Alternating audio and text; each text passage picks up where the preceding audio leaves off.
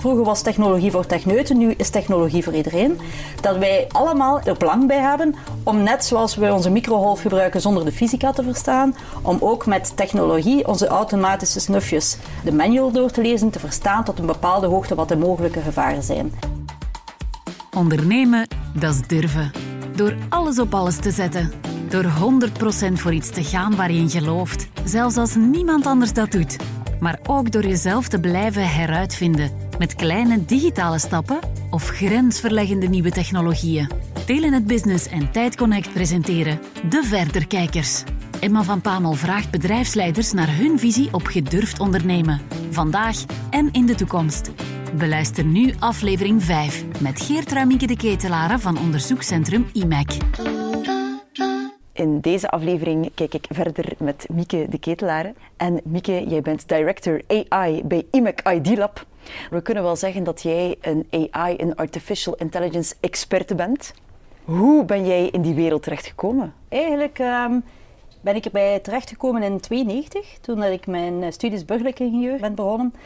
En het is raar om te zeggen, maar eigenlijk was het vanuit een luiheid. Uh, omdat ik uh, van nature uit lui ben, zoek ik altijd naar manieren om technologie in te zetten om bepaalde dingen te automatiseren. Ik zal niet ingaan over welke machines ik als kind heb ontwikkeld in die gedachte.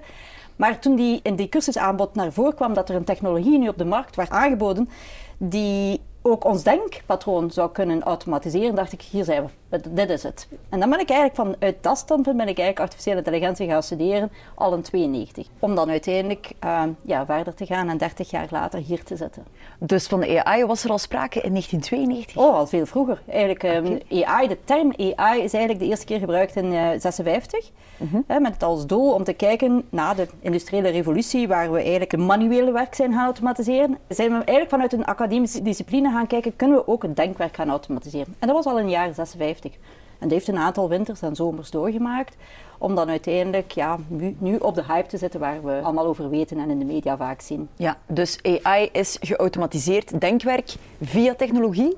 Ja, dus uh, de bedoeling was een computer, artificial, wil zeggen aan de hand van een computer, het denkwerk te automatiseren. Dat is eigenlijk eenvoudig uitgedrukt. Oké. Okay. Dus dingen kunnen leren zonder eigenlijk een programmeur te hebben die regel per regel programmeert. Dus patronen te kunnen zien, net zoals wij als, met, met ons menselijk brein kunnen doen, om dan daarna in tweede instantie automatische beslissingen te kunnen ja. nemen. Als ik denk aan AI, dan denk ik aan, ik doe Facebook open of een andere sociale media app en ik aanvaard een heleboel cookies en dan werken er slimme algoritmes en dan krijg ik gepersonaliseerde advertenties. Ja.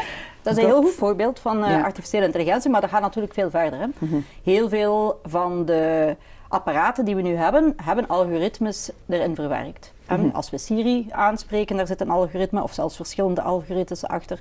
Maar ook als we naar een bank gaan en een bank moet een berekening doen als wij al dan niet een lening krijgen, gaan ze gebruik maken van algoritmes. Ook de telco's gaan berekeningen maken om te kijken wie heeft er de kans om dit bedrijf te verlaten. Dus eigenlijk in onze wereld zit het overal in verweven, maar het is een zal ik zeggen, een verborgen technologie. En dat is wat het soms wel gevaarlijk maakt en wat tot eigenlijk, zal ik zeggen, heel veel creativiteit in de definitie eigenlijk vormt op dit moment. Want ik heb inderdaad het gevoel, Mieke, heel veel mensen hebben al van die term gehoord en het bepaalt meer en meer ons leven, hoor ik je zeggen. Maar als je dan vraagt aan iemand, wat is dan AI of ken je wat toepassingen, dan blijft het vaak stil. Hoe komt dat dan dat het zo verborgen is? Eigenlijk is het zo dat origineel, als je het echt per definitie neemt, is artificiële intelligentie vooral gericht op dat algoritme. Dat is algoritme ja. dat een, een, stuk data als input krijgt, een berekening maakt, he, want tenslotte een algoritme is een wiskundige berekening, mm -hmm. en iets als resultaat uitspuit.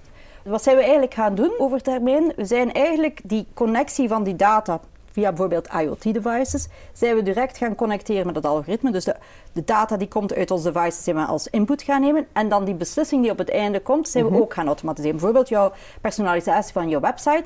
Dat is eigenlijk van direct van de website wordt dat volledig geïntegreerd met het algoritme en daar wordt er ook een besluit ja. gemaakt. Hè? Data, insight, action. Doordat dat algoritme, dat slimme deeltje daar nu helemaal in verwerkt zit, ja, is het alsof dat het een ajuin is, waar dat je schelletjes en schelletjes rond gaat gaan maken, waardoor je niet meer eigenlijk weet wat er eigenlijk in de interne kern gebeurt. En dat is ergens wel het gevaar. In mijn tijd, in jaar 92, zaten wij letterlijk achter een computer en waren wij data aan het ingeven, deed de computer iets slim en wij vertaalden letterlijk de uitkomst naar de business of de persoon die de uitkomst moest weten. Mm -hmm. Maar al die manueel werk is er eigenlijk uitgenomen en we zijn digitaal eigenlijk van A tot Z de dingen gaan automatiseren. Dus mensen weten vaak eigenlijk niet dat ze met een slimme toepassing te maken hebben? Ja, nee. Klopt. Er staat ook nergens, er is geen enkele wetgeving of wetgevend kader dat zegt dat er op de oplossing moet staan powered by AI. Oké.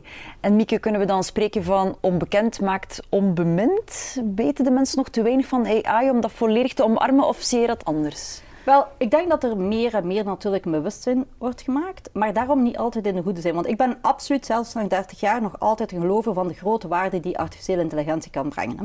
Dus dat stel ik mhm. absoluut, absoluut niet in vraag.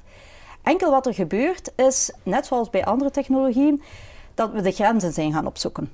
omdat het mhm. technisch kon, omdat het technisch mocht, omdat er geen kader was, zijn we eigenlijk heel ver gegaan in de manier dat we zijn gaan inzetten. En wat is er eigenlijk gebeurd, als je het vanuit een helikopter zou bekijken, is we zijn gaan knabbelen aan twee uitersten. En dus het ene uiterste is dat onze slim systemen op dit moment de originele droom om dat brein na te bouwen, mhm. zijn gaan, we zijn eigenlijk van die originele droom gaan afwijken. Hè? Dus we zijn systemen gaan maken, uh, big data systemen, grote cloud platformen, die wel degelijk slimme dingen doen, maar tegenover een, een CO2-uitstoot die niet meer acceptabel is. Wij staan daar niet bij stil. Wij kijken gewoon naar de toepassing. Of dat als we een taalsysteem gebruiken, een Google Translate, dat daarachter een groot algoritme in de US draait op een grote cloud-omgeving. Wij staan daar niet meer bij stil. Wij maken gewoon gebruik van de, van, de, mhm. van de resultaten. Dus dat is één ding. Dus we zijn dat brein gaan maken, maar we zijn gaan afwijken van de manier dat onze natuur het doet bij ons. Wij werken met heel weinig energie, kunnen we slimme dingen doen. Mhm. Dus dat is één punt. Dat is helemaal haaks op de sustainability goals. Tweede punt is, ons systeem zijn eigenlijk ook aan de sociale fondatie die, waar dat we jaren op gebouwd hebben, gaan knabbelen. We zijn systemen gaan maken die op basis van data uit het verleden nu autonome beslissingen maken op mensen en leven. Van wie is er schuldig, wie is er niet schuldig, wie krijgt een job, wie krijgt geen job, eh, cv-prioritisatie enzovoort. Maar doordat we data uit het verleden gebruiken om die beslissingen te automatiseren, zitten de denkfouten uit het verleden, en die komen dan vaak in context van diversity en inclusion, die zitten vervat daarin. Nu, zo'n systeem is een wiskundige formule, die weet niet dat dat een menselijk vooroordeel is. Dus het is aan ons om heel bewust daarmee om te gaan en te kijken welke data we gaan gebruiken en als er menselijke vooroordelen waren in de beslissingen die we meeleveren om het systeem te gaan opleiden. En dat zijn eigenlijk de twee fouten die we maken. Hè. Dus de veiligheid van onze systemen ten opzichte van de mens is dit eigenlijk in onbalans. En dan het energieverbruik zit op dit moment in onbalans. Nu, dat is ook geen reden om dan dat aan de zijkant te schuiven. Hè. Uh, ik, ik, vergelijk het altijd met de wagen in de jaren 50. Onze wagen bracht ons ook van A naar B. Mhm. Daar is de wagen van de dag van vandaag niet op veranderd. Maar kwam met een motor die heel vervuilend was. En was gebruikt in een kader die onveilig was. Er waren geen verkeersregels, geen gordels en zo verder. Wat zijn we gaan doen? We zijn gewoon een kader gaan maken waarin dat hij veilig kon landen. En we zijn gaan werken aan die motor. En je zou kunnen zeggen, met AI is exact hetzelfde nu, de dag van vandaag nodig. Om ervoor te kunnen zorgen dat het blijft de waarde levert zoals het levert. Er moet een kader gemaakt worden. Hoe gaan we daar dan slim mee om? Maar het is de verantwoordelijkheidszin. Hè? Dus het is de ethiek, de moreel, die je zelf bij jezelf moet gaan zoeken als bedrijf. Hè? Um, Klanten zijn zich meer en meer bewust van wat de waarde is van een data en hoe een data verkeerd kan ingezet worden. We staan er nog lang niet uit. Ik denk dat 90% van de klanten er niet van bewust is. Maar die bewustwording is er toch wel meer en meer gekomen met GDPR. Dus hoe gaan we daarmee om? Ik denk dat de schuiver tussen ik ga die data inzetten voor een inspiratie bij mijn klant, ten opzichte van ik ga die inzetten voor iets dat een irritatie gaat veroorzaken, eigenlijk ligt dat aan de klant zelf. Iets wat dat voor jou een inspiratie is, een, mhm. een, website die personaliseert aan de hand van jouw klikgedrag van gisteren, kan voor mij een irritatie zijn. Mhm. Dus het is eigenlijk als bedrijf, hoe ga je daarmee om? Je gaat eigenlijk heel goed luisteren naar die feedback loop. Iets wat te weinig gebeurt. Je gaat gaan kijken van als je op basis van data autonome beslissingen hebt genomen, hoe is die beslissing gevallen? Hoe was de reactie op die beslissing? Was die beslissing juist in geval van persoon A, B, C, D? En je zal zien dat bij de ene zal die een irritatie zijn, bij de andere een inspiratie. En daar moet je rekening mee houden. Want dat is eigenlijk je klantenrelatie. Als die fout zit, ja, dan gaat de klant met één klik naar de volgende vendor of naar je mhm. competitie. Dus die schuiver, die controle daarover dat hebben, dat is eigenlijk heel belangrijk. Ja. Mieke, ik heb een aantal dilemma's mee voor jou. Is AI enkel weggelegd voor de grote techbedrijven, denk je? Of zeg je van ah, KMO's, zelfstandigen, die kunnen daar ook al mee aan de slag? Nee, zelfstandigen kunnen daar zeker mee aan de slag. Het is zelfs zo dat zelfstandigen daar op een veel snellere manier agile zouden mee kunnen omspringen. Maar weet het heeft eigenlijk niks te maken met een groot of een klein bedrijf. Je moet gewoon kijken in je daily life eigenlijk. Hè. Je rijdt naar het werk je moet daar nadenken, waar kan AI iets voor mij betekenen? Groot of klein bedrijf. En dan is het eigenlijk op vier taken. Een dulle taak, een repetitieve taak, waar je eigenlijk geen energie van krijgt en die eigenlijk gewoon een kost is. Een dangerous taak, een gevaarlijke taak. Als je bijvoorbeeld uh, stel nu in de afvalverwerking zit en je moet daar eigenlijk manueel gaan kijken waar dat er een batterij zou kunnen inzetten, kan je slimme camera's toepassen die dat voor jou gaan detecteren om mhm. het aantal explosies te verminderen. Je hebt dan eigenlijk dirty taken en je hebt eigenlijk ook difficult taken. En difficult taken, dat zijn taken waar je heel veel data voor hebt, maar waar je zelf eigenlijk het bos niet meer door de bomen ziet, om daar een patroon in te zien. En eigenlijk waar, waar, tools, gelijk die we die nu hebben, als Excel en zo verder, niet meer gehapbaar zijn.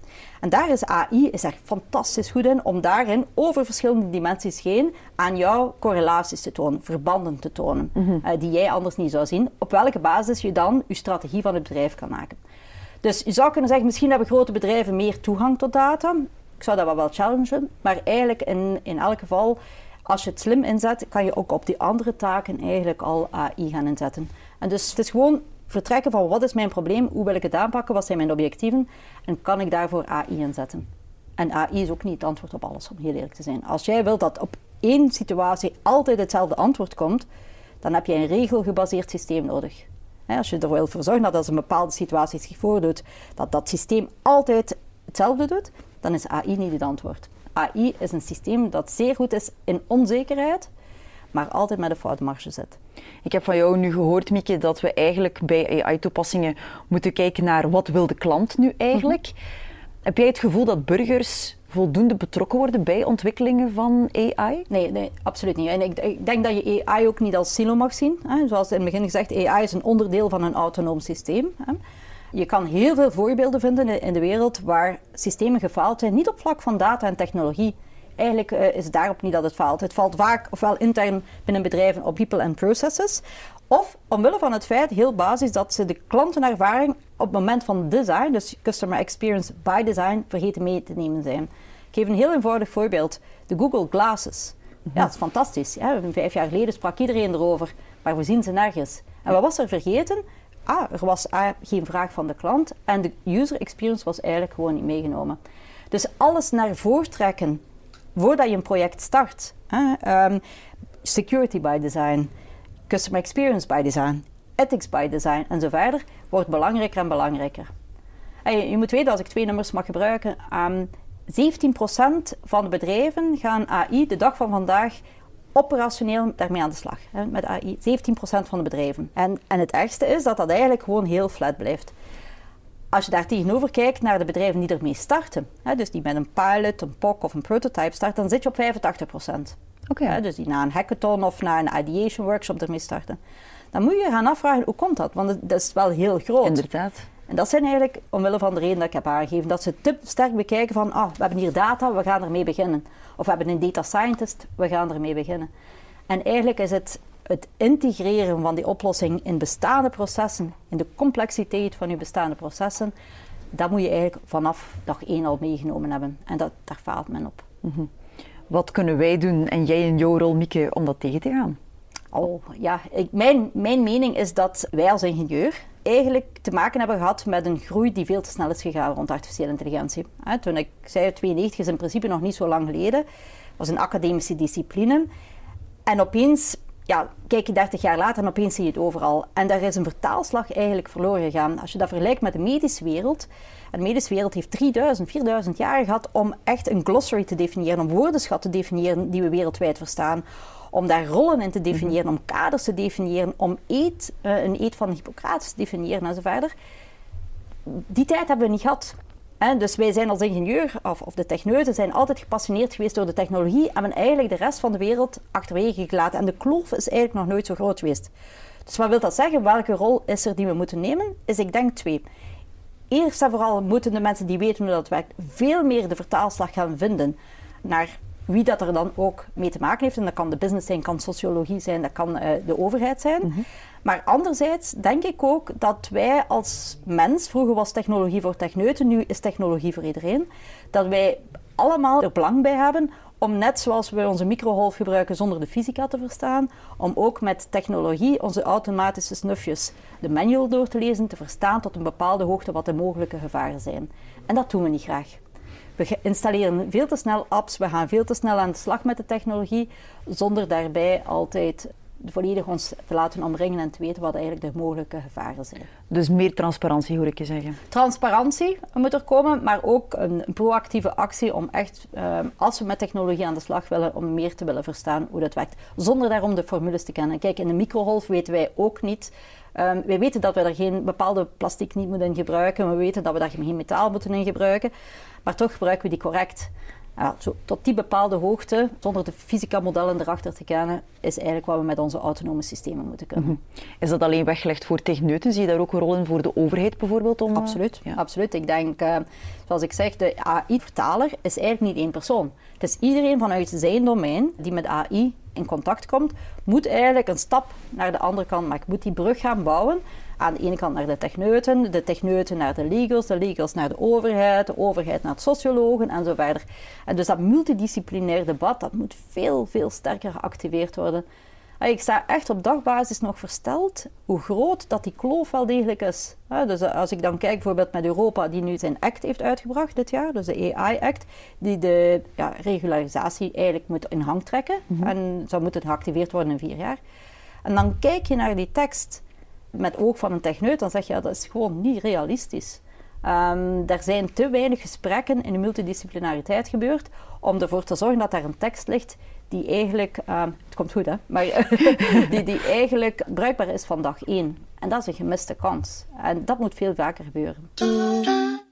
Je sprak ook over de impact op het milieu, mhm. die duurzaamheidskwesties. We botsen daar tegen bepaalde grenzen aan gaat daar in de toekomst aandacht voor zijn? Om Daar is nu aandacht voor, inderdaad. Kijk, weet je wat we daar doen? Is, we hebben ons laten misleiden. Hè? Want we moeten eerst kijken waar het probleem vandaan komt van die energie. We hebben ons laten misleiden omdat het technisch mogelijk was om onze modellen groter, groter, groter en groot te maken. En omdat die, dat die battle tussen die grote spelers aan de hang was. We hebben ons laten verleiden door het feit dat we altijd zijn gaan focussen op die accuraatheid van die systemen. En natuurlijk, wie wil er een autonoom systeem dat niet accuraat is? Als je, als een autonome wagen koopt en daar staat op, deze wagen is 75% accuraat ten opzichte van 95%, ja. Dus het is ook ergens logisch dat we op de accuraatheid gaan maken. Er is een direct verband tussen de grootte van je systeem en de accuraatheid van je beslissing die je hebt. Maar daarbij zijn we ons eigenlijk gaan verhalperen uh, om systemen te maken die eigenlijk op sommige vlakken eigenlijk wel oversized zijn.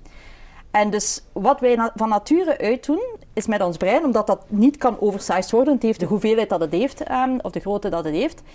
Wat wij van nature uit doen, is wij gaan bijvoorbeeld bepaalde onderdelen, als we die niet meer nodig hebben, laten wij afsterven. En we zijn gaan kijken, kunnen we dat eigenlijk technisch ook? Kunnen we eigenlijk in die grote algoritmes, die grote modellen, gaan kijken zonder een impact te hebben of een heel minimale kleine impact op die accuraatheid, om toch die modellen te gaan ja, kleiner maken van schaal of een bepaalde delen te gaan desactiveren. En dat kan.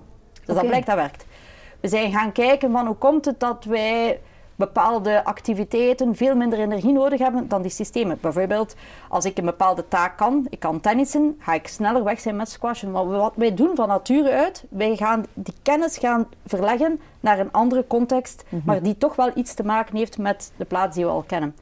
Wel, als je kijkt naar bedrijven die nu inzetten op, op beeldherkenning, zien we dat die altijd van nul starten. Alsof dat er geen enkel artificieel brein is in de wereld die daar iets mee kan. Wat wij nu inzetten is technieken zoals transfer learning, waar je zegt van nee, nee, neem maar al een voorgetraind model op image recognition. En die eerste lagen, weet je, die kan je perfect overnemen, net zoals een brein. En dan moet je eigenlijk gewoon die laatste lagen gaan trainen. En dat geeft een reductie, dat is ook bewezen, op CO2-uitstoot. Dus zoveel mogelijk slim hergebruiken. We gaan veel meer inspiratie terughalen uit de natuur onze originele droom om het menselijk brein na te bouwen. Om te kijken van hoe komt het dat wij dat zo slimmer, veel slimmer doen. En die technieken bouwen we eigenlijk nu na mhm. eh, in onze systemen, zonder te gaan knabbelen aan de accuraatheid. En aan het tweede punt, en dat is ook wel heel belangrijk, is dat bedrijven die competities uitzetten of uh, selecties maken op, op research, gaan nu eigenlijk ook die tweede component als KPI meenemen. Dus het is niet meer van het meest accuraat systeem krijgt het meeste budget of de grootste investering. Het is de, uh, accuraat systeem plus het systeem dat ook meest energie-efficiënt is. Dus gelukkig is die balans erin gekomen sinds twee jaar. Mieke, jij durft, jij durft spreken voor een bepaalde visie op AI. Je probeert heel veel verschillende spelers op één lijn te krijgen. Hoe voelt dat aan? Lukt dat? Lukt dat? Kijk, je, hebt een optie om niks te doen, of je, hebt een optie om iets te doen. Uh, gaat dat lukken? Dat weet ik niet, maar het geeft mij enorm veel energie. En ik denk eigenlijk, en dat is misschien raar om te zeggen als filosoof, denk ik eigenlijk mijn leven van het einde naar, naar waar ik nu sta. dus ik, als ik morgen sterf, wat wil ik gerealiseerd hebben? En dan weet ik dat ik me altijd mezelf beloofd heb om de ethische, en ethische is zowel sustainability als, als uh, sociale fondatie, in AI aan te pakken. Ik ben daar heel transparant om geweest. Ik heb de stekker uit mijn doctoraat getrokken op basis van ethiek toen ik 23 was. Dat was ook een heel bewuste keuze. En ik heb toen tegen mezelf gezegd, ik heb liever geen doctoraat, maar ik ben bezig met ethiek en technologie dan om dat doctoraat te halen tegen een, een moreel die bij mij heel sterk leeft. En dat heb ik eigenlijk in mijn volledige carrière tot nu toe doorgetrokken en zal ik doortrekken tot het einde van mijn leven. Omdat ik weet dat dit mij energie geeft en dat ik dan waarschijnlijk heel rustig zal inslapen. Um, het zou tegen mijn natuur inspreken om het niet te doen. Je krijgt er meer energie van dan dat je soms tegenwerking krijgt van andere mensen? Ik kan mij s'avonds in de spiegel kijken en ik kan tegen mezelf eerlijk zeggen dat ik de correcte dingen doet. En tegenwerkingen krijg je. Um, ben ik tegengewerkt? Ja. Zijn er dagen die moeilijk zijn? Absoluut. Uh, zijn mensen die mij een onbalans willen brengen? Ja. Zijn mensen die op mijn emoties inspelen? Ja, absoluut. Dus ja, al de punten kan ik gewoon eerlijk zeggen. Maar het maakt jou ook ergens sterker. Um, je mag je daardoor niet laten misleiden. Je moet zorgen dat je eigenlijk ook een heel goede omringing hebt. En vooral een heel goede balans met jezelf intern. Dus ik heb heel sterk gewerkt tussen 20 en 30 jaar leeftijd aan die balans intern in mij, om dan eigenlijk dat karkas rond mij te kunnen bouwen voor alles wat mogelijk wat nog zou tegenkomen. Dus ik kan hier wel zitten met heel veel energie en, en heel veel passie, maar ik kan zeggen dat mijn, de innerlijke rust degene is die mij eigenlijk, uh, eigenlijk voortdrijft. Mieke, wil jij met mij instappen in een utiliteitsmachine? Ik wil heel graag samen met jou verder kijken naar de toekomst. We gaan vijf jaar vooruit. Wat denk je? Is data het nieuwe goud geworden en is data mining de nieuwe topjob? Ja, ik denk dat het nu al het nieuwe goud is. Dus ja, wij, wij, wij zitten bij IMAC veel verder dan vijf jaar. Dus ja, dit, dit is een gezellig reisje. Ja. ja, het gaat, data, daar gaan nog, de slimme manier om data in te zetten en zo Ja, dit, gaat verder gaan, ja, natuurlijk. Ja, mm -hmm. Absoluut. En als we dan eens tien jaar vooruit gaan, is er dan al een verzoening tussen AI-toepassingen en duurzaamheid? Ja, zeker. Absoluut. Okay. Um, nee, daar wordt ook heel sterk op ingezet. Um, nee, absoluut. absoluut. En gaat het dan nog veel meer ons leven bepalen, die AI? Ik denk dat er bewustere keuzes zullen gemaakt worden. Gaan we bepaalde oplossingen gaan we niet meer zien. Um, maar gaan de mensen zelf kritisch genoeg nadenken over zichzelf waar technologie helpt en waar het niet helpt? Dat weet ik eigenlijk nog niet. Ik denk dat we daar nog wel een stap te gaan hebben. Hey, bijvoorbeeld, ik gebruik geen Waze voor een heel duidelijke reden. Dat is een kritische analyse van mezelf.